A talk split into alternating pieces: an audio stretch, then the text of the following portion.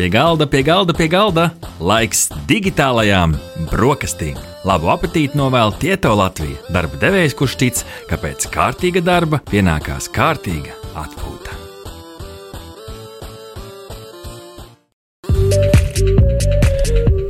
Labrīt visiem, labrīt, labdien, labvakar, lai arī kurā brīdī jūs mūs klausītos. Jūs esat šeit, jūs esat radio nabas raidījumā Digitālās brokastis 95,8 FM jaunajā radio nabas mājaslapā naba.lv. Šodien liela svētka, Ričī, jauna lapa, jauns izskats, viss notiek, enerģijas pilni esam iesākuši jauno gadu. Un es dzirdēju, ka jaunā lapa ir ļoti, ļoti pielāgota uh, mobiliem lietotājiem. Redz, kā tad mūs var dzirdēt arī tur. Mūs var dzirdēt arī starp citu ierakstu formā, gan NABLSM uh, LV, gan Delfi podkāstu sadaļā, podkāstu LV, gan Spotify. Ja jūs ierakstāt hashtag digitālās brokastis, visu kopā vienā skaistā vārdā, vai arī, vai arī kaut kur Apple podkāstu mākonī, vai arī kaut kur Google podkāstu. Visur, kur jūs gribat, tur jūs mūs varat dzirdēt. Bet ko tad jūs šodien dzirdēsiet? Šodien raidījums ir pilns ar interesantām lietām. Pirmkārt, sāksim jau uh, šajā pirmajā daļā ar aizdītās nedēļas subjektīvo, objektīvo top 10 tehnoloģiju jaunumu apskatu. Un pēc tam otrajā daļā, ja jūs klausāties šobrīd tiešraidē, tad kaut kur ap 9.15. Ja jūs klausāties mūsu ierakstā, tad patiniet aptuveni 40 minūtes uz priekšu, un tur sāksies arī otrā daļa. Un otrajā daļā mums būs interesanta saruna. Digitālajās brokastīs saruna ar digitālu uzņēmumu. Tieto Latvija, tehnoloģiju un finanšu uzņēmumus, un šodien runāsim par to, kā sabalansēt darbu ar atpūtu. Ričī, tas vispār ir iespējams? Jā, nu es ļoti gaidu, es ļoti gaidu, uzzināšu arī es daudzas jaunas atbildes un uh, uzzināšu to no uzņēmuma, kurš um, ar šo nodarbojas jau kādu laiku. Un, uh, nu, ir viens no veiksmīgākajiem, iespējams, tāpēc nu, tiešām nevar sagaidīt. Kaut kā jau ir tie, ka tie tehnoloģiju uzņēmumi vienmēr skrien visiem pa priekšu, un pēc tam tikai parādās citos oficiālos, tur tie, tie mīkstie spilveni, tās, tās atpūtas zonas un tā tālāk. Um, vienmēr tie ir tie trendseteri. Nu, tad parunāsim ar tiem trendseteriem otrajā daļā, bet Ričī ir laiks. Ziņa numur viens! Ziņa numur viens šajā rītā nāk no lielās izstādes, kuru uh, raksta ar trīs burtiem - CES. Jeb lielā elektronikas izstāde, viens no lielākajiem, ja ne pats lielākais gada notikums, notikums, no kura birst ārā tik daudz ziņas, ka, diemžēl, Ričī, es nevarēju visas viņas satilpināt šorīt šajā top desmitniekā. Mēs mierīgi būtu uztaisījuši top 20, bet, diemžēl, laiks mums ir ierobežots. Uh, bet, jā, šī ir lielā elektronikas izstāde un uh, pirmā ziņa mums ir no Sony. Iedomājieties, Ričī, ko ir izdomājuši Sony? Tu vari uzminēt. Nu, man Sonija saistās parasti ar uh, mūziku, ar skaņu. Nu, ka, teiksim, tā ir laba skaņa. Mm. Bet, bet, bet viņiem, bet viņiem ir bijuši arī visādi, uh, saka, sānsoļi. Gan mobilajās nu, šis ir viens milzīgs sānsols, tāpēc arī šī ziņa ir ziņa numur viens šajā rītā. Sony pārsteidzis pasauli, piesakot savu pirmo elektriskā koncepta automobīli. Automobīls ar nosaukumu Vision S. Jā, jūs nepārklausījāties. Sony uzņēmums, kurš, kurš ražojas ir filmas, kuram ir fotokameras, kuram ir mobilie tālruņi, kuram ir visādi playeri un televizori un viss kas cits, ir izdomājis šo visu savu gudrību un bagātību un muskuļus ielikt elektroautomobilī. Elektroautomobīls Vision S, kas pēc izskata ļoti atgādina nu, tādu Porsche, es teiktu. Uh, iekšā šis, te, protams, viss uh, iekšējais interjers uh, skaists un tīrs skaists un gaišs. Un, jā, patiešām Sony Vision S ir viņa pirmais mēģinājums iekāpt arī elektroautomobiļu pasaulē. Ar ko tu saisti šo rīčī? Tas ir kaut kāds uh, skriešana pakaļ, pakaļ trendiem, uh, vai tavuprāt, vienkārši Sony nu, grib ar šo te parādīt, ka viņi joprojām ir relevanti šajā laikā, kad iespējams mm, Sony nu, aizdītā desmitgade tur dažādiem tur datu noplūdes uh, lietām un citām ir bijusi tāda nu, akmeņaina. Nu, es domāju, ka tā ir tiešām nu, teiksim, tā paradigma uh, mobilitātē, transportā mainās. Un, um, nu, iespējams, šī ir liela korporācija, kuras ir nu, pietiekami naudīgas korporācijas, iespēja uh, nokļūt nu, teiksim, tā viņa virspusē. Jo, nu, ja kāds jautātu, vai, vai Sony teikt, uh, nu, ir kaut kādas problēmas, vai tur kaut kas iet uz leju, nu, kopumā jau nē, viss jau ir kārtībā. Bet uh, vai mēs viņus nosaucam kā šobrīd kādu no top 5 lielajām pasaules korporācijām, arī droši vien nē. Un tad kāpēc ne? Varbūt tieši šis ir veids, kā Sony pieteiks savu vārdu atkal starp uh, dižajiem un atradīs savu vietu pie, pie lielo uh, elektronikas uh, uzņēmumu galda. Man šķiet, ka šis ļoti labi sasaucās ar to kopējo pasaules trendu, ka jo arvien labāk paliek infrastruktūra, jo arvien vairāk tiek runāts par šo vidēji draudzīgo pieeju dzīvei, uh, jo, jo vairāk tieši cilvēki arī pērk šos elektroautobīļus. Es tagad nepateikšu tev, kura no ziemeļvalstīm tā bija, vai tā bija Zviedrija, Norvēģija vai Somija, bet uh, nesen lasīju ziņu par to, ka vienā no šīm ziemeļvalstīm uh, šis automobīļu, elektroautobīļu pirkšanas skaits man šķiet, ka, nu, negribu sameloties, bet te jau 50% no nopirktiem automobīļiem aizdītajā gadā ir bijuši tieši elektroautobīļi, kas jau liecina par kaut ko. Es, uh, man gan nav priekšā jaunākā statistika par Latviju, nu, es pieļauju, ka mums šeit dažādi faktori, nu, tas izrāviens nav tik liels, bet joprojām tas ir trends. Man šķiet, tas ir trends. Cilvēki, kas grib pazīmēties, noteikti pērk elektroautobīļus, braukā apkārt, lādējās. Nu, protams, ka forši, nu, ka tev uh, motors neskan, labs uzrāviens, uh, tu vari pusstundu pasēdēt kādā Circle K, padzert kafiju mierīgi, kamēr tavs automobīls lādējās. Nu. Nu jā, es teiktu, ka šobrīd arī Latvijas tirgu lietotu elektroautobīli var nopirkt pat par diezgan saprātīgu cenu. To es pētīju, to es paskatījos. Nu, jā, varbūt tas ir aci, bet. Uh, Iemetis aci. Bet, nu, jauns, protams, maksā daudz dārgāk nekā, nekā ar klasisko uh, dzinēju. Kā, nu. Bet, nu, attiecībā uz šo mašīnu man ir uh, viena liela cerība. Nu, es pie tādas tikšu. Nu, mēs jau droši vien ar tevi tiksim pie tādas drīzumā.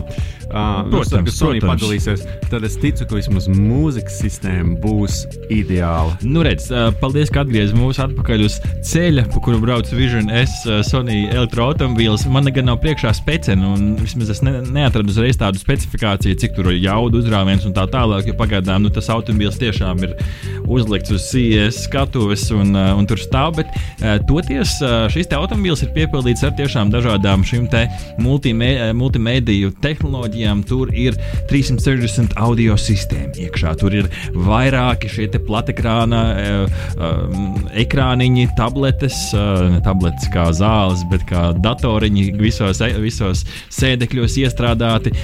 Tur ir tā, tehnoloģijas no tādiem pasaules grandiem kā BlackBerry, Bosch un tā tālāk. Ar to tur ir tiešām sapakots tāds nu, multimediju vāģis, sauksim to tā. Nu, katrā ziņā izskatās stilīgi.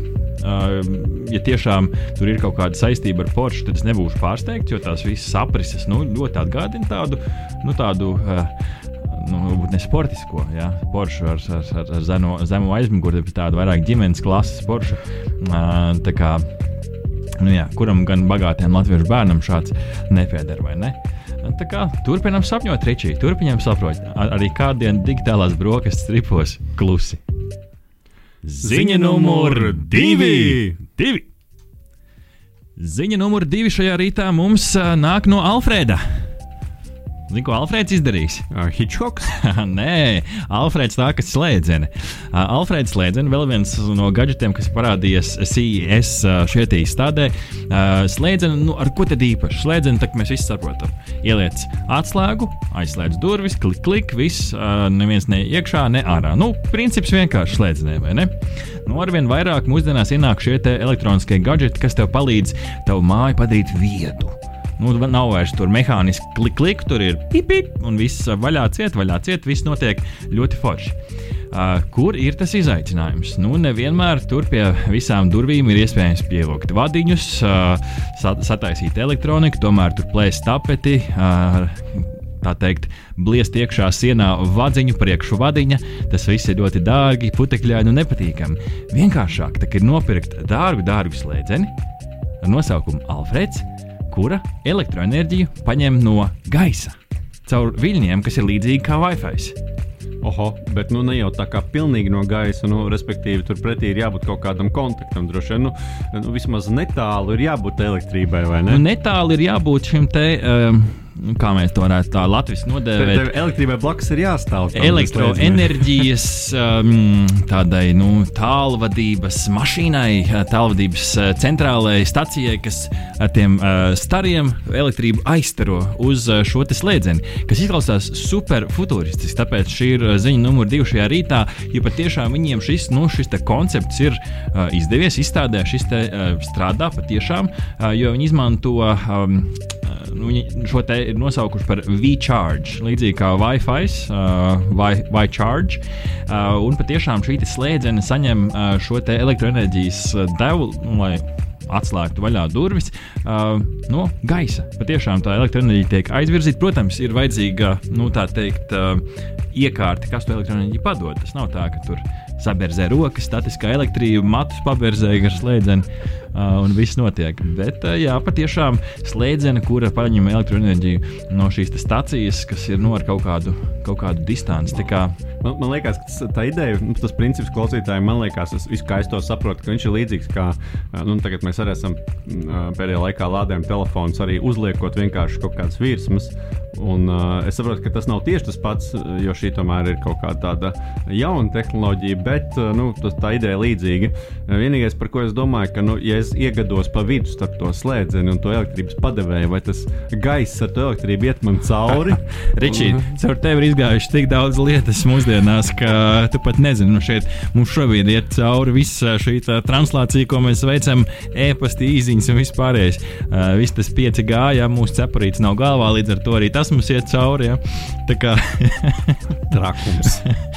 Jā, bet eh, katrā ziņā ļoti tāda, nu, man šeit tiešām tāds, uh, nu, angļuiski tas vārds ir groundbreaking, ja, tā kā zemi lauzošs, uh, ne gluži atklājums, bet, uh, bet tehnoloģija patiešām šī slēdzena, kā es minēju, sākumā viņi maksā dārgi. Viņš šobrīd maksā 700 dolārus. Līdz ar to bagātiem latviešu bērniem nebūs problēma. Mums, parastajiem digitālu brokastu grauzējiem, vajadzēs nedaudz ielikt zeķē, bet nu, kurš tad negribētu šādu slēdzienu vai ne, Ričī? Nu, protams, protams. Ziņa numur 3! Ziņa numur 3 eh, šajā rītā nāk no Intel. Nav jau pats pārsteigums, eh, šis arī, protams, ir no CES 2020 izstādes. Intel ir nācis klajā ar pakaviņu. Nu, kaut kas salokāms. Jā, ar pakaviņu. Jo pakaus, protams, vārds, kurš uh, uzreiz iedod mums tādu ļoti konkrētu uh, attēlu galvā. Nu, tas gan gluži neizskatās tieši pēc pakāpes, bet nu, angļuiski viņš to tā ir uh, šādu uh, kličku ir iedevuši. Uh, respektīvi, tas ir uh, portatīvais dators, kuram nav klaviatūras. Viss, visa virsma, kas parasti ir portīviem datoriem, kurš sastāv nu, no ekrāna no klaviatūras, visa virsma ir viens liels, liels ekrāns. Vienkārši vi milzīgs ekrāns, kas tev paver iespējas uh, tīt uh, lietas uz priekšu, gan arī tādā bezgalīgā sajūtā, vai arī atvērt veselu, veselu lielu, piemēram, Word dokumentu, un viņš tev ir no ekrāna augšas līdz pat nu, galda apakšai. Nu, jā, iztēloties, ka jums ir nospriekšā portīvais dators un klaviatūras vietā ir ekrāns, nu, tad jūs varat scrollēt, uh, piemēram, šo dokumentu nu, līdz pat, kā saka, uh, datormaliņai. Līdz slikti paliek, līdz slikti paliek. Bet kur tad viņi raksta? nu, rakstā, uh, tas ir, tas ir, tā ir tā vēl viena feature, viss šis te, viss šī šī virsma ir uh, skariņa jūtīga. Tas nozīmē, ka viss ekrāns praktiski ir nu, vien, viens liels arī rīks. Līdz ar to man šķiet, ka līdzīgi kā nu, planšetdatoriem iznāk ārā virtuāla klaviatūra, un tur to arī, protams, no apakšējā ekrāna daļā klabina pa to ekrānu. Um, nu, jā, šis te ir tāds viens no virzieniem, kas, kas ir attīstīts šajā te, mm, arī izstādē, arī, arī Lenovo ar ThinkPad X1 Fold. 13 tolu planšetu datoru, jeb nu, arī tādu salokām, salokām portatīvu datoriņu. Arī, arī ir šajā izstādē nākuši klajā, bet nu, šis te Uh, Intel koncepta dators, uh, kas ir ekrāns pa visu, pa visu es pat nezinu, kā lai no, nosauc to latviešu. Ekrāns pa visu virsmu. Pa visu bortu. Pa visu, bo oh, ļoti labs. Ekrāns pa visu bortu. Ekrāns pa visu bortu, kur uh, nu, ekrāna izmērs ir 17 colis, līdz ar to 17 colis, nu, divi šādi 17 colu ekrāni pa visu bortu. Uh, ļoti, nu, tiešām izskatās ļoti futuristiski. Uh, koncepts interesants. Tas, ko man gribētos, ir reāli pamēģināt viņu darbībā. Tas ir tas interesantais, kas notiek ar programmām šajā ekrānā. Vai tiešām visas programmas spēj saprast šo te, nu, lielā ekrāna konceptu, lai gan otrs puses nu, viņām nav ko nesaprast. Atloka ekrānu vaļā, un tev tas ir viens, viens milzīgs ekrāns ar, ar skārienu jūtīgām featurām. Līdz ar to nu, patiešām, patiešām būs interesanti redzēt, kāda iztīsies nākotnē. Man šķiet, ka, ka šis 20, uh, 20. gada jaunā, jaunās gada desmits ir iesācies diezgan daudzsološi. Un tāpēc nedaudz jāuzelpo. Ir šo visu jāiesūc iekšā, un digitālās brokastis noslaucīs nazīšus un ķersies klāt nākamajai porcijai pēc tam, kad nakts karalis nospēlēs mums gabaliņu laika suns. Nabrīt, nabdien, nabvakar, digitālās brokastis jau pēc mazam mirklīša. Laika suns, tad citi jūs dzirdēsiet arī šodien vai rīt koncertā. Aha, redz kā! Man it kā nevajag daudz par digitālo brokastu karali mani sauc. Un es tāds uh, sulainis. Nu, nē, kāds tu sulainis? Tu esi, tu esi otrais karalis. Šī ir ļoti liberāla karaļa valsts. Kurš ir teicis, ka karalim ir jābūt tikai vienam? Karalis brīvdienās. Esiet sveicināti atpakaļ digitālajās brokastīs, lecam iekšā tehnoloģiju plūsmā. Un mums ir ziņa numur 4. Ziņa numur 4 šajā rītā mums nāk no Samsunga. Samsung. Samsung. Samsungs ir radījis diezgan lielu pakaušu kasīšanas vētru CES izstādē, jo ir debitējis ar savu mākslīgo cilvēku projektu Neons. Mākslīgo cilvēku projekts Neons, lai jūs labāk saprastu, tie nav roboti, kas staigā reālā vidē. Tie ir tā, savā ziņā tāda, nu, viegli to būtu norakstot tāda nākamā chatbotu paudze. Tie ir uh, cilvēki, kurus tu ekrānā redzi pilnā augumā, uh, normālās sejas uh, aprisēs, kuri rada tev, uh, rāda tev normālas cilvēka emocijas. Praktiski ir sajūta, skatoties šo promo video, ka tu skaties vienkārši cilvēkus, kuri ir uzfilmēti un fotografēti. Un par šo ir tas lielais jautājums, jo viņi ir parādījuši šo projektu, pieteikuši, ka viņiem šāds projekts ir. Projekts Neons no Samsung, kas jau uzreiz rada tādu ticamību, jo Samsung brands diez vai taisīt 1. aprīļa joku uh, janvāra sākumā.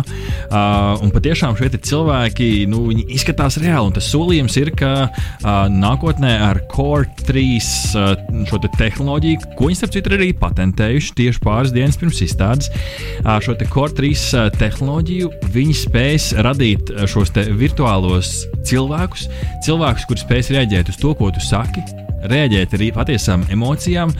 Un tas nav viss, Ričija. Iedomājieties, kāds potenciāls būtu, ja šī tehnoloģija būtu patiesa. Pirms kam vajadzīgi vairs aktieri? Pirms kam ir vajadzīgi vairs ziņu korespondenti? Ja tev ir, ja tev ir šāds robots, kuram tu ie, ievadi iekšā tekstu, ko viņam pateikt, un viņš ir tikpat reāls kā cilvēks. Jā, taisnība. Nu, teiksim, mēs ejam pie ārsta, mēs ejam uz skolu, mēs apmeklējam dažādas iestādes, bet nu, šeit, principā, un lai mēs satiktu cilvēku galu galā, jo daudz ko jau noskaidrot ir elektroniskā vidē, pastaigāt mājaslapām un saprotot, nu, kas mums ir nepieciešams. Bet šeit, jā, principā ar mani sarunājas īsts cilvēks ar īstām emocijām, ar kustībām, kas atgādina cilvēku un kurš reaģē uz manis teikto. Nu, tas tiešām, tiešām atgādina atgādina um, filmās uh, redzēto, kur tiek um, runāts par tālu nākotni, uh, nu, vai par netālu nākotni. Tā kā, uh, protams, um, šim, šim, šim noteikti ir, um, ir nākotne, un arī tas varētu būt dažādi pielietojums mūsu ikdienā. Jā, man, es, es skatos šo video, šobrīd citu varat apstīties arī ierakstīt YouTube. Uh, vienkārši Samsung neons, tā kā neona gaismas. Uh, patiešām, nu, tas, nu, tu nevari pateikt atšķirību. Nu, tas cilvēks, nu, kas ir tās lietas, kur parasti noķer šo te, nu, kur, kur radās tā sajūta, ka tas cilvēks nav īsts? Pirmkārt, pasties uz matiem. Nu, ja mati kā tādi ir ļoti video spēlēs sarežģīta tehnoloģija, tur bieži vien uh, spēļu izstrādātāji iekrīt. Starp citu, nesen uh, pāris, nu, sanāk, pāris dienas atpakaļ uh, izgāju vienā, vienā bliezienā šajās ziemas brīvdienās Star Wars jauno spēli Fallen, Fallen, uh, Fallen Order. Uh, un, uh, Viss perfekti, skaisti. Uh, nu, nav kur piesieties, izņemot zelēkļi, jeb uh, vukī, uh, šie spēlēnie radījumi Star Wars pasaulē. Viņi ir vienkārši viens liels matu ērkulis, un programmētājiem viņas nu, izskatās, ka ir bijis grūti uzprogrammēt, jo visticamāk, tas, nu, visticamāk, bet tas nestiecinies pēc matu ērkuļa, bet pēc kaut kāda spagetti ērkuļa. Uh, līdz ar to mati ir viena vien šī lieta, otra lieta ir, ir acis uh, un, un lūpas un šī te, nu, muskuļu darbība sejā, un trešais kaut kāds nu, apgaismojums, kā sejā atstaro gaismu.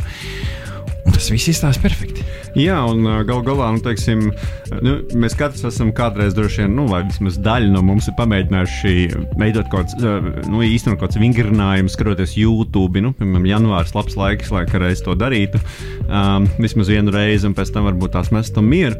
Uh, nu, tas viens no iemesliem ir tas, ka nu, tas cilvēks tur stāsta, un viņš tur rāda, bet viņš jau nereaģē uz to, ko tu dari. Un šajā gadījumā tev ekrānā būtu cilvēks, kurš arī tevi principā redz, kurš reaģē uz to, ko tu saki, ko tu iespējams arī dari.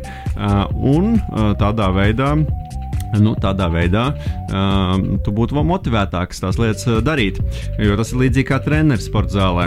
Un, un te es domāju, ir milzīgs potenciāls dažādām spēlēm, uh, kas, kur būtu tavs avatārs, kurš ļoti tevi atgādinātu un arī, nu, teiksim, tiešām izstītos īsti. Vienā vārdā sakot, vientulība vairs neeksistētu. Jā, tas gan, jā, tas gan. Ziņa numur 5! Ziņa numur 5 šajā rītā nāk no uh, TikTok. TikTok šis te, uh, īso video sociālais tīkls, tīkls kas ir uh, ar vien uh, populārāk kļūst uh, jauniešu vidū. Īsi, vienkārši smieklīgi video, bez nekādas dziļas jēgas un būtības, vienkārši lai nedaudz atslēgtu tavu smadzni. Uh, un uh, TikToks uh, ir nu, pieķerts tādās interesantās uh, darbībās. Uh, par šo raksta TechCrunch portāls, kuram, uh, kura rīcībā nonākusi informācija, kāds viņiem ir. Uh, kāds putniņš viņiem ir pačukstējis, ka šī TikTok lietotnes pamatkodā, nu, jo lietotnes nu, tur ir tūkstošiem rindiņu šajā kodā, kas liek viņām darboties un izskatīties tā, kā tās izskatās. Šajā kodā ir atrastas koda rindiņas, kuras liecina par to, ka šajā lietotnē varētu būt iestrādnes tādam deepfake video veidotājam. Kas ir deepfake? Deepfake ir video paveids, kurā vai nu tavu seju aizstāja ar kādu uh, citu seju, vai arī vienkārši paņem tavas sejas mīmiku un ieliek šī otra cilvēka sejā. Nu, populārākie video ir bijis Baraks Obama video, uh, Marks Zukerbergs arī, kur viņš saka, ka viņš ir liels, uh, liels ļaunas kompānijas vadītājs. Uh, ir arī citi mēģinājumi bijuši. Un patiešām šis kods ir atrasts. Viņi gan paši saka, ka nu, ar viņiem ar to nekāds sakars īsti nesot, jo tur ir divas lietotnes. Ir, ir es nezinu, kā pareizi latviešu izrunāt šo Doujin, Doujin lietotne, vēl viena Ķīnā, Ķīnā bāzēta liela video, video lietotne, kas kas varbūt paplā, pasaulē nav tik zināma. Uh, viņi teikuši, nē, nē tā, tas, ir, tas ir no otras lietotnes, tas nav mums. Bet beig beigās arī šajā rakstā neatbildēts jautājums, kāpēc tāda koda rindiņa vispār šajā lietotnē bija iekšā. Līdz ar to jautājums ir, vai šis ir tas gads, Ričī, kad šī deepfake video nu, lietošanas tehnoloģija būs pieejama katram? Nu, droši vien, acīm redzot, un, nu, ja, tie, tas nebūs TikToks, um, tad uh, ļoti iespējams tas būs kāds cits, uh, kurš to izmantos. Un, uh, nu, tas, protams, ir um, diezgan, diezgan satraucoši no vienas puses, no otras puses tehnoloģijām neko nepadarīs. Tas uh, agri vai vēl tik un tā kļūt pieejams, un es domāju, ka tas jau šobrīd ir diezgan pieejams. Kā... Nu, ir pieejams tādās, sauksim, tādās, nu, tādās mazās, mazās porcijās, tādās pirkstu uzkodiņās, kur visbiežākās izpausmes ir tās, ka tu paņem, ir lietotnes internetā jau šobrīd, kur nofilmē savu seju dažādos rakursos, uzņem, uzņem savas sejas uh, attēlus un video materiālus ielādē lietotnē, un viņas te uzliek tavu seju, piemēram, uz kaut kāda īsa gifiņa. Gifiņš, nu, tur ierobežots skaits kadru atkārtojās. Tādā veidā vienā brīdī šeit pagājušā gada beigas, kad internetā parādījās dažādas interesantas bildes, kur tur, nezinu, tur dažādi aktieri sejas ir samainītas vietām, vai arī uzliek savu seju uz Leonardo DiCaprio, kas stāv Titanika galā un viss ir skaisti. Un tu kliedz brīvību rozē vai ko viņš tur kliedz. Nu, lūk, tādas mazas nianses ir bijušas, bet nu, šis patiešām, ja, ja tas piepildīsies šajā gadā, es teikšu, ka būs interesanti būs interesanti, jo nepaies noteikti ne, ne, ne čiku, ne grabu, ka šī te tehnoloģija būs pieejama arī ārpus šīs lietotnes. Nu, tas, ko es uh, gribu atgādināt mūsu klausītājiem, ka principā tas tikai vēlreiz liks mums katru reizi trīsreiz padomāt par to, ko mēs redzam un ko mēs dzirdam. Jo, uh, nu, ja šī tehnoloģija kļūs pieejama, tad uh, iespēja, ka tiks viltoti dažādi paziņojumi no dažādiem svarīgiem vai arī populāriem cilvēkiem, kļūs, tas kļūs ar vien, vien uh, biežāk. Tā kā, nu, Būsim uzmanīgi internetā. Ziņa numur 6. Ziņa numur 6 rītā sastāv no divām ziņām, jo ziņa atkal nāk no, no konferences CES. Un ziņa šajā rītā ir, ka jaunu popularitāti iegūst ādas printeri. Ādas printeri printeri, kuriem tu vari drukāt uz ādas dažādas lietas. Kāpēc divas daļas šai, šai ziņai? Jo divi veidi printeri, divas interesantas šīs te tehnoloģiju paveidi. Viens ir Printer S modelis par 269 dolāriem. Tas ir tikai pats printeris bez šī kārtridža. Printer S ir printeris, ar ko tu vari uz ādas uzdrukāt nu, tādus. Um, īs, īslaicīgos tetovējumus. Tetovējumi, kas ir no vienas līdz trīs dienām, nu, pārsvarā ideāli izskatās pirmajā dienā, tā vismaz atsauksmes no šīs izstādes. Tas ir viena veida printeris, un otra veida printeris ir printeris, kurš noskanē tavu seju ar nosaukumu Opte. Printeris Opte. Kurš noskanē tavu seju un uh, uzdrukā uz uh, tumšākām ādas uh, nu, pleķīšiem. Tās var būt dzimumzīmes, tie var būt kaut kādi citi tumši pleķīši, uh, labi vai slikti, bet uh, viņš konstatē uz sejas, kur tev ir šī te, uh, pleķēnā vietiņa. Un pa virsmu uzdrukā tādu, nu, tādu gaišāku ādas, ādas krāsai līdzīgu uh, slānīti, un tādā veidā paslēp šos te tumšos plankumiņus. Ričī, kur printeru tu ņemtu pirmo? Nu, es laikam... Tava seja nav diezgan pleķaina. Es izteikšu tev komplimentu. Paldies. Uh, bet uh, es droši vien arī sāktu ar to pirmo. Un es domāju, nu, tāds katra principā jauniešu sapnis. Uh, saki, mammai, ka tu gribi tetovējumu. Māma tev uzdāvina printeru. Māma tev saka, nekā nebūs. Un tad tu saki, mammai, nu labi, tad lūdzu iedod man uzdāvinu man printeru. Un viņa saka, nu labi, un tad tev ir printeris šī tāds te. Un tad tu atnāc nākamajā rītā, viss viens no galsas kājām noprintējies. ne, šis, šis ir, zin kā, ir, ir tas, ir tas te, anglis tas teiciens, tas gateway drug, ja? nu, tā, tās, tās narkotikas, kas noved tev pie stiprākām narkotikām. Nu, tad uh, te, uz tetovēšanos par narkotiku, lai gan savu veidu kā kaifu no tā visa, tā, tu arī iegūsti. Kaut kāds uh, veids, kā tu apliecinies, uh, 21. gadsimta seksapils, uh, tetovētas sievietes. Jā, nu, šeit 21. gadsimtā tas tā ir jauna mode, ko nevar salīdzināt 20. gadsimtā. Līdz ar to nu, šāds printeris ir ļoti labs. Uh, nu, veids, kā vienkārši pamēģināt bez sekām. Es, es domāju, ka tas arī būs tāds zināms pavērsiens, um, jo nu, tas dos iespēju vēl daudzveidīgāk izpaust savu imidžu. Nu, piemēram, tu ņem no rīta un viss noprintējies no galvas līdz kājām bez mazliet. Un, un uh, nu, tavu tetovējumu ir ar kaut kādu vēstījumu, vai arī tie kaut kā papildina tavus ikdienas, tavu apģērbu, uh, vai, vai izvēlēto frizūru un tā tālāk. Nu, katrā ziņā tie ir daudz iespējas, kad atkal, um, atkal viena cilvēka grupa varētu kaut kādu jaunu identitāti sev parādīt caur šo iespēju ikdienā nu, mainīt, mainīt savas ādas noformējumu, ja tā varētu teikt. Iedomājieties, cik daudz krāni būs cilvēkiem uz sejas pēc balītes. Ar to mēs arī noslēdzam šo ziņu un iekāpjam nākamajā dziesmā. Mēs, protams, runājam par santehniku šajā rītā. Iedomājieties, cik daudz izlietnes būs uz, uz baigiem. Uh, dziesma off ar no grupas What's Next? Kas tālāk? Digitāla brokastu turpinājums pēc šīs dziesmas. Tiekamies! Labrīt, labdien! Grupa offer gabalus. Nu, kuram gan negadās piekdienas rītā. Uh, digitālās brokastis ir atpakaļ kopā ar tevi, un mēs esam gatavi noslēdzošajam cēlienam pirmajā daļā, jo otrajā daļā, pulksten 9.15. klausies mūsu tiešraidē, vai arī nu, jau pēc aptuveni 10 minūtēm ierakstā uh, būs otrā daļa, kur mēs runāsim par darba un uh, atpūtas balansu uh, darba vietā ar Tieto Latvijas pārstāvēm. Uh, bet, Ričī, Tas nozīmē, ka mums šobrīd ir atlicis ziņa numur septiņi. Ziņa numur 7 šajā rītā nāk no Samsung. Uh, Samsungs ir kāpis uz izstādes IS skatuves un prezentējis savu robotiņu ar nosaukumu Bolī. B-A-L-L-I-E. Bolī, uh, kas ir ļoti līdzīgs, nu, savā ziņā līdzīgs uh, Star Wars uh, robotiņam BB-8, uh, bumbiņi, kas uh, ripo pa skatu. Ričī, kā tev, kā tev šī bumbiņa un cik ilgi, uh, tavuprāt, šī bumbiņa izdzīvos kopā ar mājdzīvniekiem?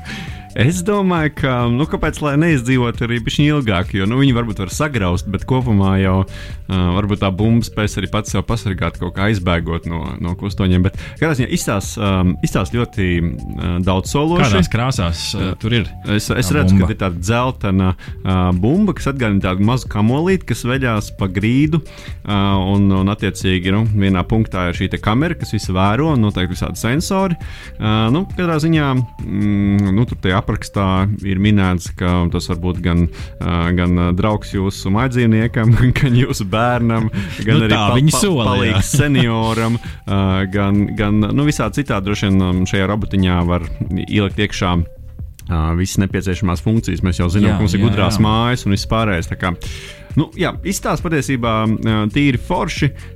Nu, manuprāt, varbūt brīžiem var būt biedējoši, ka tu tur nezini, nu, kaut kur pagaidām kaut dari, un tad tā tāda... no muguras pieripo. Jo, jo man šķiet, ka tā, tā nākotnes ilūzija, kas ir bijusi filmās par nākotnes mājām, ir tik ļoti tuvu. Tas ir vienkārši jautājums, kad mēs varēsim to atļauties. Jo patiešām, tu jau minēji, funkcijas viņi sola šiem robotiem dažādas. Tā nav tikai bumbiņa, kas ripo, viņai priekšā ir kamera, kas nozīmē, ka potenciāli viņš varētu būt tavs mājas sargs um, promo video parādīts, kā piemēram šis robotiņš pie, piebrauc klāt pie gudriem uh, aizskariem, attaisa vaļā tev aizskarus, ieslēdz kafijas aparātu, uh, skraida apkārt līdzi tev, uh, seko līdzi un skatās, vai, mm, piemēram, veciem cilvēkiem tas tiešām var būt pavadonis un draugs, uh, uh, lai skatītos, vai viņi tiešām ar viņu veselību ir kārtībā, vai cilvēks, piemēram, nokritis zemē, tu, tu, tu. Un, uh, jā, nu, ļoti interesants koncepts. Um, man šķiet, ka tas varētu būt viens no tādiem uh, pirmajiem tādiem nu, uh, skaļajiem kompanioniem, zīmoliem, kompanioniem, kas ir. Lai gan nav jau, protams, šis uh, pirmais tāds, šis nav uh, zemi lauzošs uh, uh, produkts. Iepriekš ir bijuši līdzīgi produkti no tā paša Sony uh, sunītes ar nosaukumu AIBO. Uh, jau, jau kādu laiku, šeit gadu atpakaļ, ir bijis šis, šis kompanions sunītes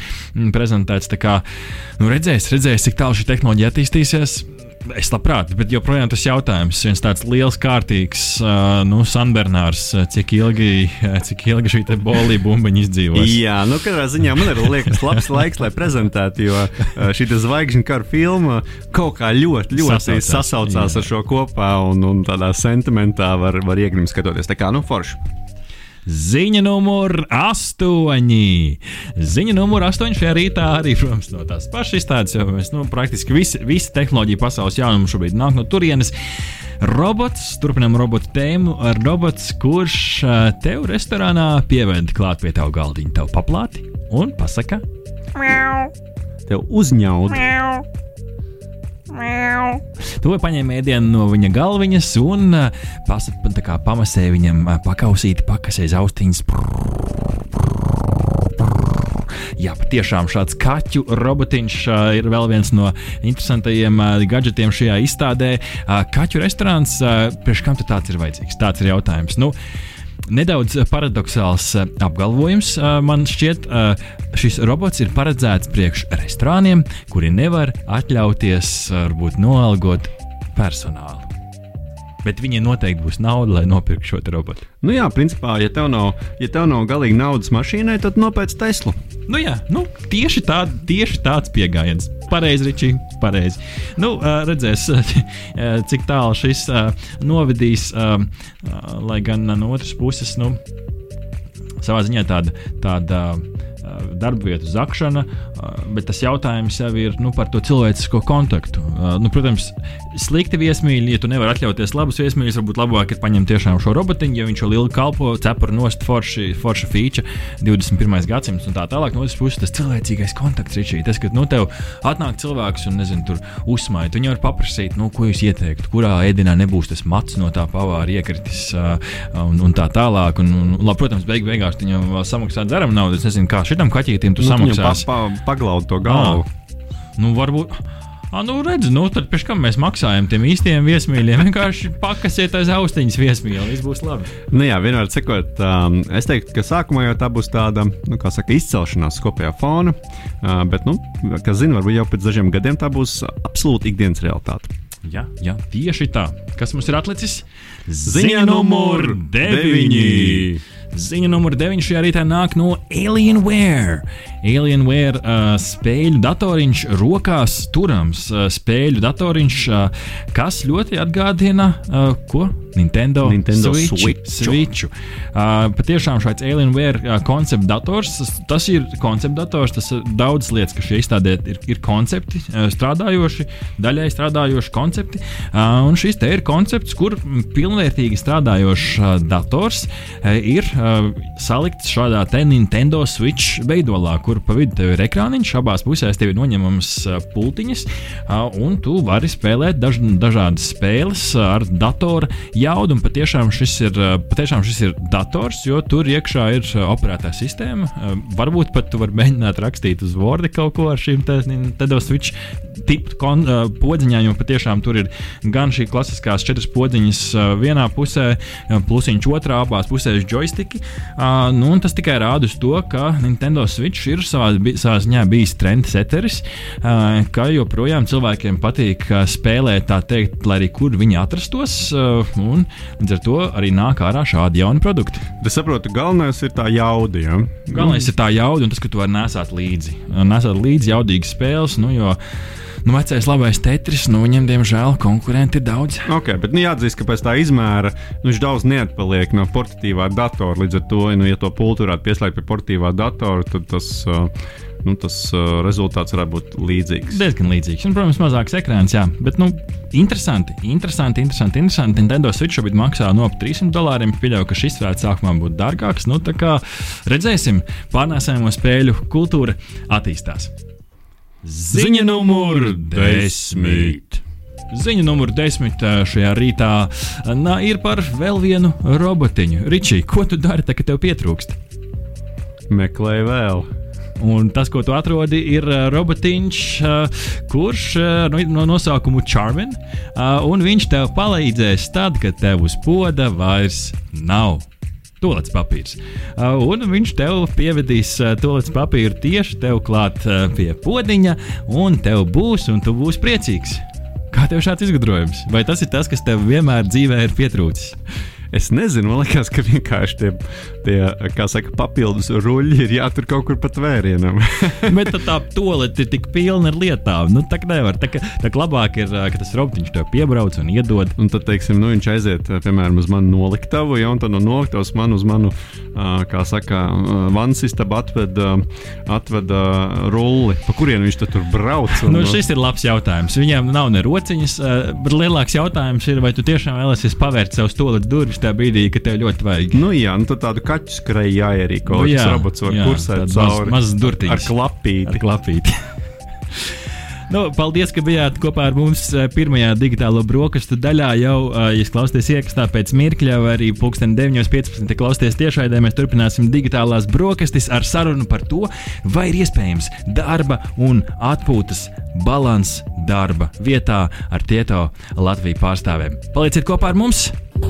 Esiet sveicināti atpakaļ digitālajās brokastīs. Saldais ēdiens beidzot ir klāts 95,8 FM, Naba LV un arī tiešraidē Facebook, vai arī ierakstā Facebook, ja klausāties mūsu podkāstu formātā. Radio Naba Facebook esam redzami. Nu, mums ir burvīgas viesņas šajā rītā. Nabrīt, sveicam jūs radio nabas uh, studijā, Marta, Inga. Sveicam jūs pie mums! Labrīt! Čau, labrīt! Šodien esam šeit kopā ar Tieto Latviju un parunāsim par ļoti intriģējošu tēmu, ko mēs būvējām visa rīta garumā. Tēma, kas ir aktuāla pilnīgi visiem, kuri ir darbinieki, kuri strādā, tas ir darba un atpūtas balans. Un kā jau pieteicu pirmajā stundā, tehnoloģija uzņēmumi ir, manuprāt, tie, kuri ir tie trendseteri visiem pārējiem. Jo kāds ir gatavs riskēt, kāds ir gatavs pamēģināt kaut ko jaunu, tad tie noteikti ir tehnoloģiju uzņēmumi, tehnoloģiju un finanšu uzņēmums Tieto Latviju. Uh, sveicam jums uh, pie mums uh, šajā rītā. Kā šis rīts jums? Nu, īstenībā tāds drusku vēss, bet uh, visādi citādi diezgan forši pie jums būt ciemos. Bija vairāk darbs vai atpūta šajā rītā? Es teiktu, ka šī ir jau atpūta. Nu, ņemot vērā, ka mēs esam darbā, mēs esam rādio studijā, tā kā viss ir lieliski. Es sākšu tā, ar tādu intro jautājumu, nedaudz nu, runājot no tādas stereotipiskās puses. Kāpēc ir jāatpūšas darbā? Par ko es jums, darbinieki, maksāju? Es jums maksāju par darbu vai par atpūtu? Kāpēc ir jāatpūšas? Um, es nezinu, kā tev pašam šķiet, bet uh, vai tavuprāt, cilvēks var būt simtprocentīgi produktīvs 8 stundas dienā? Nu, lai gan man gribās būt mašīnai un teikt, jā, arī es esmu cilvēks, un es teikšu, man bišķīt tomēr vajag. Nu, Tieši tāds ir arī mūsu viedoklis. Tad, kad mēs raugamies uz saviem darbiniekiem, mēs pilnībā saprotam to, ka IT un finanses ir diezgan prasīgas sfēras, kurā strādāt un prasa ļoti, ļoti daudz kapacitāti no saviem darbiniekiem. Ko tas nozīmē? Kad ļoti iespējams, ka viņi visas astoņas stundas no vietas nevarēs būt produktīvi. Līdz ar to mēs kā uzņēmums cenšamies viņiem nodrošināt šo iespēju, atrast arī kaut kādu fanu sadaļu tajā, ko viņi ikdienā dara. Kas jūsu izpratnē vispār ir darba un atpūtas līdzsvars? Jo es uh, arī pagūglējot un palasot internetā par dažādām no šīm tēmas izpausmēm, tur katram ir nedaudz tā interpretācija, nedaudz citādāk. Vienam tas ir uh, kaut kas ar infrastruktūru vairāk saistīts, vienam tas ir varbūt vairāk saistīts ar kaut kādu darba laika grafiku, citam tas ir varbūt saistīts vienkārši ar, uh, laikam, labākais, labākais citāts, ko es, nu, kas man patika, bija, ka darba devējs uh, tev nepiecienās par to, ka tu darbā izdomā padarīt kaut ko, kas ir vajadzīgs tevai mājas dzīvē, uh, un otrādi, ka tu arī nu, teikt, nerunā pretī, ja tev sanāk pastrādāt varbūt ārpus, ārpus oficiāla kaut kādā brīdī. Kas ir tā jūsu interpretācija un tas jūsu varbūt tas redzējums par to, kas ir darba un atpūtas balanss? Es teiktu, ka šeit laikam atslēgvārds varētu būt fleksibilitāte. Mēs cenšamies ļoti, ļoti darbiniekiem nākt pretī gan uh, saistībā ar iespēju strādāt attālināti, gan iespēju strādāt uh, tajā saucamajā flekstēmā, kas nozīmē, ka nav jāstrādā no 9 līdz 5, dators jāieslēdz 9 un 1. Ja nē, tavs vadītājs nāks un rādīs tev ar pirkstu, nu kā tu tā? Ja? Flekstēms, man patīk šis, šis, šis termins, tas nu, kaut kas no nu, fleksēšana, ja, tā? Uh, ok, uh, tas, ta, ta, tas, ir, tas būtu noskaidrots. Kas varbūt ir tie, nu, tie praktiskākie veidi, kā, kā jūs savā uzņēmumā nu, tiešām palīdzat? Viens tas saprot, ir šis flex times, respektīvi darbinieks, ir īpaši nu, programmētāji Latvijas Universitātē, datorikas fakultātē, tādu mums ir daudz. Viņiem patīk no rīta gulēt. Es pats gāju uz lekcijām datorikas fakultātē, zinu, cik grūti bija pulkstenis desmitos cilvēkiem, viņiem joprojām nāca miegs. Tas, nu, tā, tā ir tā viena iespēja. Kas varbūt ir vēl tas, kā jūs nodrošināt šo balansu? Um, vēl mums ir um, tas, ka mēs saprotam, ka darba diena nevienmēr beidzas ar to, ka tu izslēdz datoru un aizej mājās. Mums ir uh, uzņēmumā, uzņēmums atbalsta darbinieku iniciatīvu, veidot dažādus interešu klubus, kas nozīmē, ka tu pēc darba pavadīsi laiku kopā ar saviem kolēģiem no savas un citām nodaļām, bet tas būs tādā ļoti nepiespiestā gaisotnē. Mums ir, teiksim, volejbols, futbols, basketbols, lāzera paintbola, wow, tikšanās wow, wow. reizes. Ričija, lāzera paintbols. Man šeit man ir jāmaina uzņēmums, eh, kurā, kurā es strādāju. Lāzera paintbols. Tas, tas nu gan nav dzirdēts. Jūs, jūs, kā, jūs spēlējat oficiālā vidē, vai tomēr drošāk tas apstākļos? Nu, tas nav oficiāli. oh, nu, es, jau, es jau domāju, ka es varu sēdēt pie sava galda, papurkramēt, vienā brīdī piecelties un Nē. Būtu forši, bet, bet nē, šajā, šajā gadījumā mēs vienkārši atbalstam iniciatīvu nodarboties ar lazeru paintballu un sadzam maksu reizi mēnesī viņiem paspēlēt. Jā. Un forši, šī, šī, šī ir feature, ko noteikti es labprāt ierosinātu pilnīgi visiem darbdevējiem, kas mums klausās. Lazeru paintballs ir, ir forši. Um, Es saprotu, ka var arī strādāt, nu, strādāt attālināti, un noteikti ir daudz un dažādas šīs, te, eh, šīs te iespējas strādāt attālināti. Um, vai jums, pie, nu, kā, tas, tas, tas grūtākais jautājums ir nu, šajā darba un atpūtas balansā? Ir par to, kā, kā jūs strādājat ar to, lai darbinieki reizē neizjustu to spiedienu, nu, ņemot vienkārši darbu uz mājām, neizjustu to, to spiedienu kaut kādā brīdī, ka viņam no mājām iespējams ir jāstrādā nu, kaut kādā brīdī vairāk. Nu, jo tomēr viņi paņēmuši darbu uz mājām, tehnoloģijas tev ir pieejamas. Vai kaut kādā veidā nu, jūs strādājat ar to, lai cilvēkiem nav varbūt šeit sirdsapziņas pārmetumi, nu, ka es paņēmu datoru uz mājām, ne, nu, tad man ir jāpastrādā vēl. Es domāju, ka šeit nav tāda viena pareizā atbilde. Mēs parasti uzsveram to, ka cilvēkam, kurš vēlas strādāt no mājām, ir jāvienojas ar vadītāju. Mums vadītāji mēģina nākt pretī, kā vien var, un tad šajā mirklī, kad tu vienojies ar vadītāju, arī tiek uzstādīts kaut kādas vadlīnijas. Mm. Uh, kā, tī, kā īsti tas izskatīsies. Vai tev ir jābūt pieejamam, ja tu strādā no mājām no 9 līdz 5, vai es sagaidu, ka tu izdarīsi kaut kādu konkrētu uzdevumu, vai tev ir jāpievienojas Skype obligāti šīm un tām sapulcēm. Nu, nu, tā kā galvenais, lai darbs ir izdarīts. Jā, jā. Un, okay. un ir, protams, vienmēr ir jābūt kaut kādām vadlīnijām vai kaut kam tamlīdzīgam, lai gan tu, gan tavs vadītājs zina, ko tieši jūs sagaidat. Jo šis ir, šī, manuprāt, ir tā tēma, kas, nu, kas daudziem kutina prātu. Jo tajā brīdī, kad tu saki, es varu strādāt no mājām, nu, tad uzreiz tu iztēlojies, o, man mīkstā gulta, man ir mīkstie pēļi, es tur uztaisīšu mierīgi kafiju, ah, nu vēl tad iešu dušā, nu vēl sunīcē, tad pastaigāties, nu tad es ķeršos pie darba, o, ne, bet ir jau pusdienlaiks, man tagad ir jāpēta pusdienas. Līdz ar to iespējams, ka nu, dažiem šis fleksibilitāte saistās ar kaut kādu tādu nu, uh, nedaudz izlaidību. Es domāju, ka tas ir individuāli. Ir cilvēki, kuri nevar strādāt no mm. mājām, nu, kuri A, tad, tad, tad mājās ir. ir, ir tādi, bet es domāju, ka, nu, piemēram, mm. man ir diezgan grūti tas, kā tu stāstīji. Man šķiet, ka mājas ir mājas un darbs ir darbs. Teiksim, tas, kad es strādāju attālināti, man ir viegli strādāt no kafejnīcas.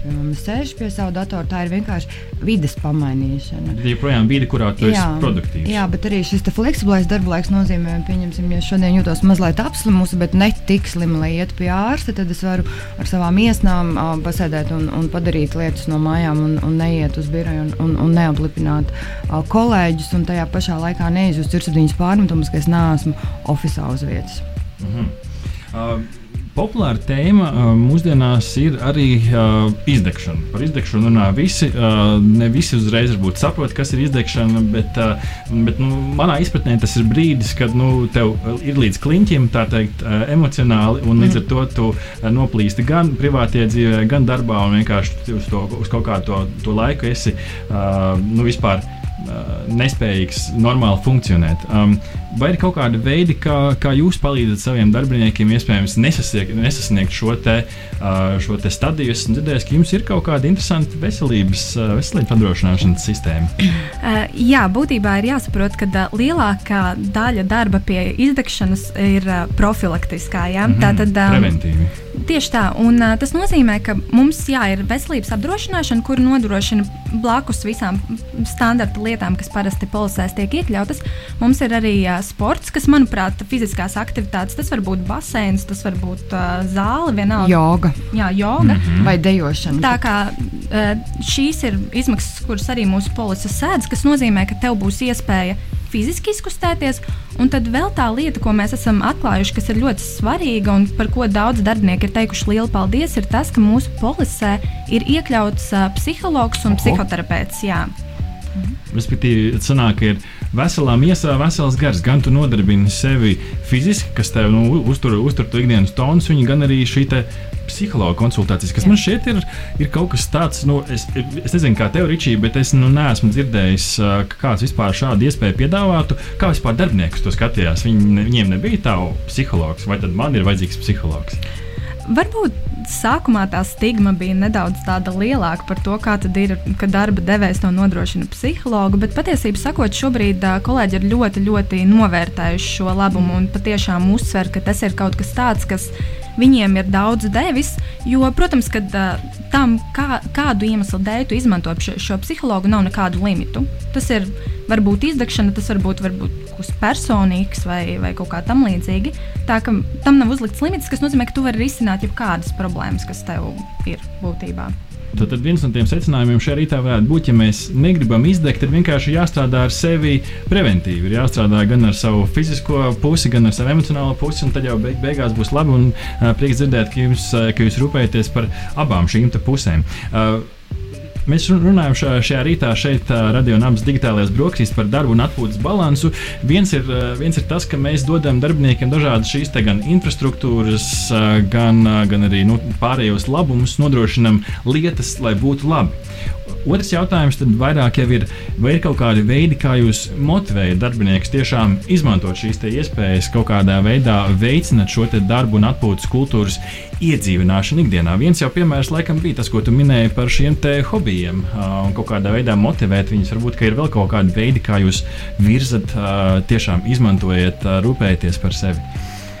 Nu, teiksim, mēs katru gadu piedalāmies, ir Eiropas aktivitāšu nedēļa. Saucās bija aktīva. Būtībā mēs katru gadu oficiāli taisām pasākumus, kas nozīmē, ka katru dienu, piemēram, no rīta, mēs satiekamies pulkstenes 9 lejā un uzkāpjam ar kājām līdz 15. stāvam. Līdz 15. Jā, stāvam. jā diezgan mm. traki.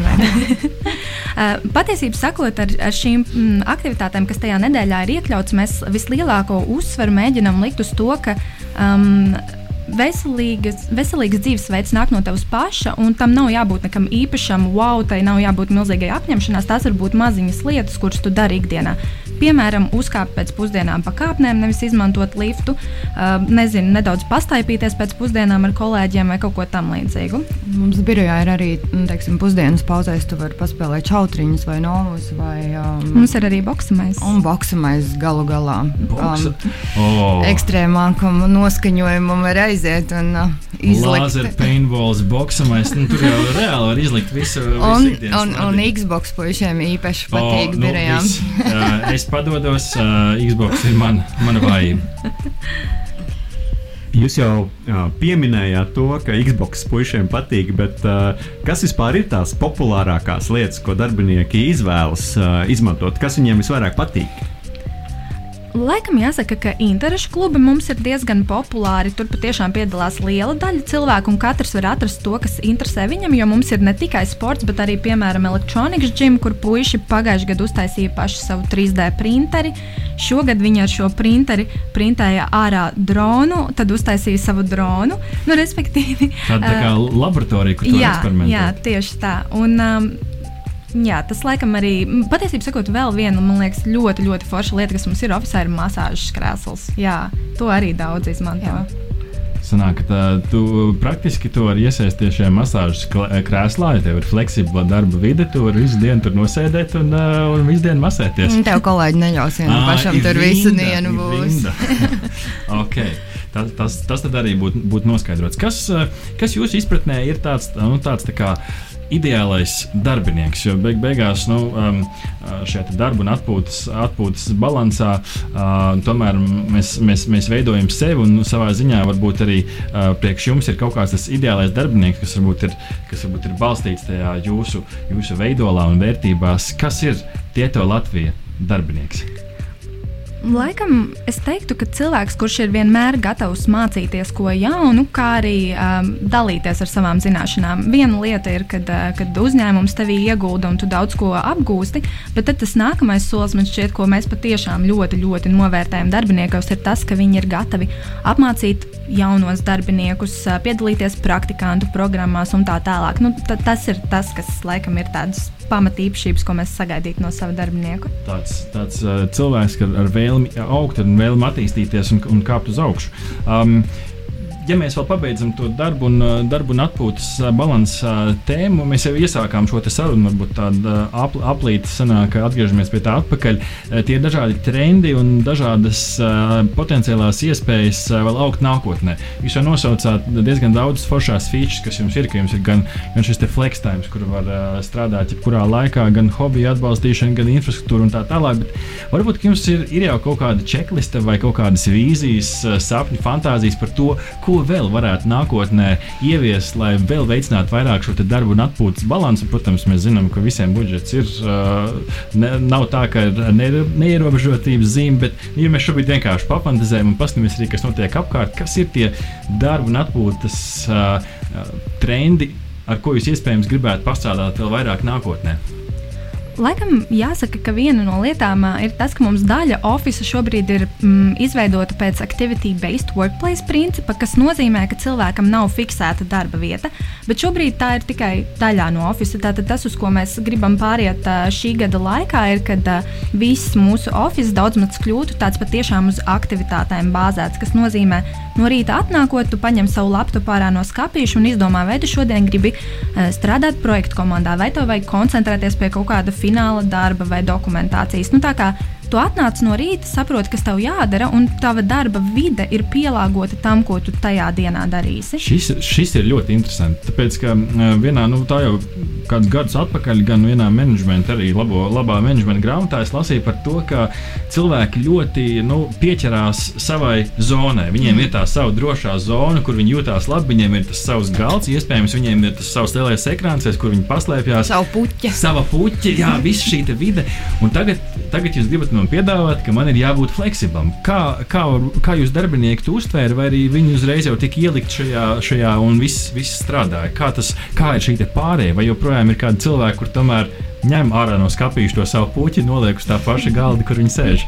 Viss jau ir kārtībā, ja puķi ņem ārā no skāpīša. Tas nozīmē, ka viņi vakarā ir novācis. Cita lieta ir tad, ja tu. uh, vienīgais man šķiet, ka varbūt tas ir veicinājis dažos cilvēkos, uh, ja tev ir ļoti, ļoti mīļa vieta, ka tu tomēr atnāc uz darbu ātrāk, lai tu zinātu, ka tev viņa būs. Burvīgs veids, kā veicināt cilvēku nākt uz darbu laikā. Tu mm. nāc ātrāk, lai apsēstos savā vietā. Jā, bet, uh, bet ja es tā pavisam godīgi, tad, tad, kad pie mums nāk studenti, tā nekad nav problēma problēma, jo, kā jau jūs zinat, staigājot no fakultātes uz fakultāti vai no lekcijas uz lekciju, kabineti nepārtraukti mainās, un tev nav sava puķa, savs galds un tā tālāk. Tu katru reizi atrodies citā vietā. Līdz ar to es teiktu, ka studentiem es neesmu redzējis, ka tā vispār būtu problēma. Tāds, runāt, es tieši, tieši atcerējos, ka nu, jaunajā Latvijas universitātes kampusā tur arī viss ir tādās aktivitāšu zonās mm. patiesībā bāzēts. Un, tur ir vieta, kur tu vari no, nodoties tādam nu, klusajam darbam, Jā. vieta, kur tu vari vienkārši pasēdēt uz dīvāniņa vai kaut kādā, kaut kādā pupu maisā iekšā iegāzties. Un, līdz ar to nu, laikam jau beig beigās ir loģiski. Bet, vai, bet kā piemēram ir gados, gados vecākajiem kolēģiem, viņiem, viņi tomēr ir tie, kuri nu, to puķīti iz, izliek vienmēr uz tā savu galdiņa. Man varbūt negribētos teikt, ka tas ir tik daudz um, saistāms ar vecumu, jo nu, studenti vienkārši ir tas, ka viņiem vide ir bijusi tāda, mm -hmm. un viņiem varbūt nav darba pieredze, un viņi nezina, kā ir sēdēt savā mazajā kabinetiņā. Mm -hmm. Es teiktu, drīzāk tas ir saistīts ar to, no kādas vidas nāk darbinieks. Mm -hmm. Ja viņš ir pieredzējis strādāt tādā iestādē, kur katram ir savs mazais kabinetiņš, kā mazam vadītājam, tad tas ir ritīgi, ritīgi suferīgi. Un ir arī darbi, es uzskatu, ka iespējams ir amati, kuriem tas ir ļoti, ļoti piemērots, vai ir cilvēki, kuriem tas ir ļoti, ļoti piemērots. Bet piemēram, ja tu skaļi dziedi oficiālā, tad tev ieliek tāda atsevišķā dziedāšanas kabīne. Nu, koncentrēšanās zonā tad ar šo cilvēku varētu būt grūti sastrādāties. Jā, taisnība. Bet ir atsevišķas telpiņas, kurās tu vari iet ar skaņas izolāciju un dziedāt, ja tev oh, ir nepieciešams pazies, kādā brīdī. Veids, kā izlādes ne tikai lāzera penbols, ne tikai boksamais, bet tur ielīst, ielīst kaut kur iekšā un kārtīgi izkliekties pie kādas skaļās dziesmas. Okay. Mm. Šis, ir, šis ir forši. Uh, varbūt ir vēl kaut kas, uh, nu, mums ir mums šīs zonas, un tās mēs attīstām vēl tālāk. Varbūt ir vēl kaut kas, kur jūsu fantāzija nākotnē ceļo, ko vēl gribētos nu, paņemt, ielikt, ieviest, kas varētu būt tāds aizraujošs. Parasti gribās vienkārši dot vairāk iespējas darbiniekiem radoši izpausties. Mm. Uh, mēs saprotam, ka um, darbs ir prasīgs un ļoti, ļoti intensīvs gribās atrast kaut kādu veidu, kā ļaut darbiniekiem patiešām darba vidē. Vienmēr būs cilvēki, kur nodalīs, man ir darbs un mājas, un es nevēlos nekādā veidā šīs divas mm -hmm. lietas uh, jaukt. Bet tiem cilvēkiem, kuriem patīk arī labi un komfortabli un mājīgi justies darba vidē, gribās pēc iespējas vairāk iet pretī un nodrošināt viņiem šo vietu radošumam un tā tālāk. Mm -hmm. Pieminēja šo komforta, komforta sajūtu, arī strādāt, strādāt fleksibli. Un tālāk es iedomājos, kā piemēram ar, ar jauniem vecākiem. Jo tā ir, es pats vēl neesmu iekāpis šajā, šajā dzīves posmā, bet tā ir tāda, man šķiet, tāda sajūta, tāda, tāda dzīves jauna apziņa, jaun, jauns skatījums uz dzīvi, un kas arī iespējams dažkārt prasa kaut kādas nu, fleksibilitātes no darba devēja. Kā, kā ir pie jums? Jā, šeit laikam jāsaka, ka šī mūsu fleksibilitātes pieeja ļoti, ļoti nāk par labu arī jaunajām ģimenēm. Pirmkārt, tad, kad māmiņa aiziet dekrētā, mums ir saglabāta veselības apdrošināšanas polise. Polisē ir arī, starp citu, iekļauta grūtnieču ap aprūpe. Tā kā, mhm. jā, Man šķiet, ka tas ir ļoti, ļoti labs bonus. Tajā pašā laikā, kad mūsu māmiņas atgriežas, mēs viņām piedāvājam arī iespēju neatgriezties uzreiz uz pilnu slodzi. Tā mm -hmm. ir arī tāda opcija, sākt uz, atsākt darbu uz nepilnas slodzes, lai tev ir tas pārējais posms. Kā arī tev joprojām kalpo tā fleksibilitāte, iespēja laiku pa laikam strādāt no mājām, nedaudz fleksibli izmantot savu darbu laiku, at attiecībā, nu, atkarībā no tā, kas tev ir īsti nepieciešams. Un, teiksim, skolēnu un, un bērnu brīvlaikos mums ir biroja iekārtota bērnu istaba, kur tu vari paņemt līdzi savu mazo, sēdēt ar savu datoru, darīt savus darbus, un turpat tās ir bērni, kur spēlē spēles vai, vai, vai kādas planšetes. Vai... Ja man, man šķiet, ka šis ir, šis ir ļoti būtisks tādā ziņā, ka um, te arī mēs atgriežamies pie tās tēzes, ko es vienā brīdī izteicu par to, ka darba devējs neskatās nu, tev uz pirkstiem, ja tev kaut kādā brīdī tiešām vajag mm -hmm. nu, mhm. paņemt līdzi bērnu, kas iespējams ļoti var noderēt uh, kaut nu, kādā tādā īsti darba zonā, protams, nevar atrasties bērnu. Tā, nē, tā ir atsevišķa telpa kurā tad ir visi bērni. Teiksim, uh, nu, viņiem nu, tur ir jautrāk beig, jā, beigās. Diez, diez vai būs interesanti augšā kādā klusajā zonā. Viņi var kustēties un staigāt un zināt, ka netraucē citiem, jo tie noteikumi ir tieši tādi, ka tā ir bērnu istaba. Un... Jūs man esat ļoti saintriģējuši. Gan jau, ka ir vēl kāds, kurš gribētu nu, paskatīties, kāda pieeja jums ir. Es dzirdēju, ka jums ir kaut kas interesants ar nosaukumu simulators. Trāj.tieto.lv. Kas tas ir? Nu, negribās pārāk daudz par to pastāstīt. Gribās, lai pašam to sanāk arī paskatīties, kā arī tiem, kas mūs šobrīd klausās. Bet būtībā tā ir iespēja pārbaudīt, vai tavs darba un atpūtas balanss ir līdzsvarā. Uh, un pie reizes iespēja paskatīties, kā pie mums izskatās un kāda būtu tā tava ikdiena, ja tu būtu IT profesionāls vai finanšu profesionāls. Ļoti izaicinošs teikums, šajā mājaslapā, trāja.tieto.lv, vai tu izdzīvotu vienu dienu tieto. Tas tas, ir, tas ir intriģējošs jautājums. Es jums katram ļaušu atbildēt uh, uz šo jautājumu, iet šajā simulatorā un, un paskatoties, kā tad beig, beigās, beigās ir, ko mēs šeit visu noraksturojām.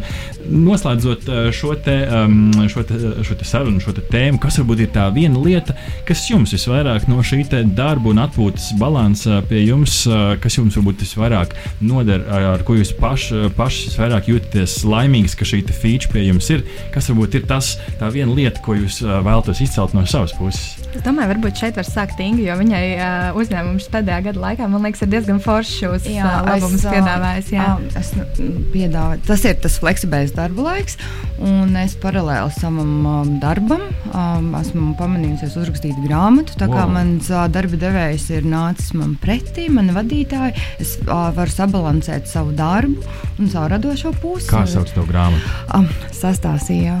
Sastā sieva. O, vēl viena intriga, vēl viena lieta, ko izpētīt. okay. Šis ir forši. Pēc diviem mēnešiem zvaigznes ABC apgādā varēs. Nu, re, nu, re.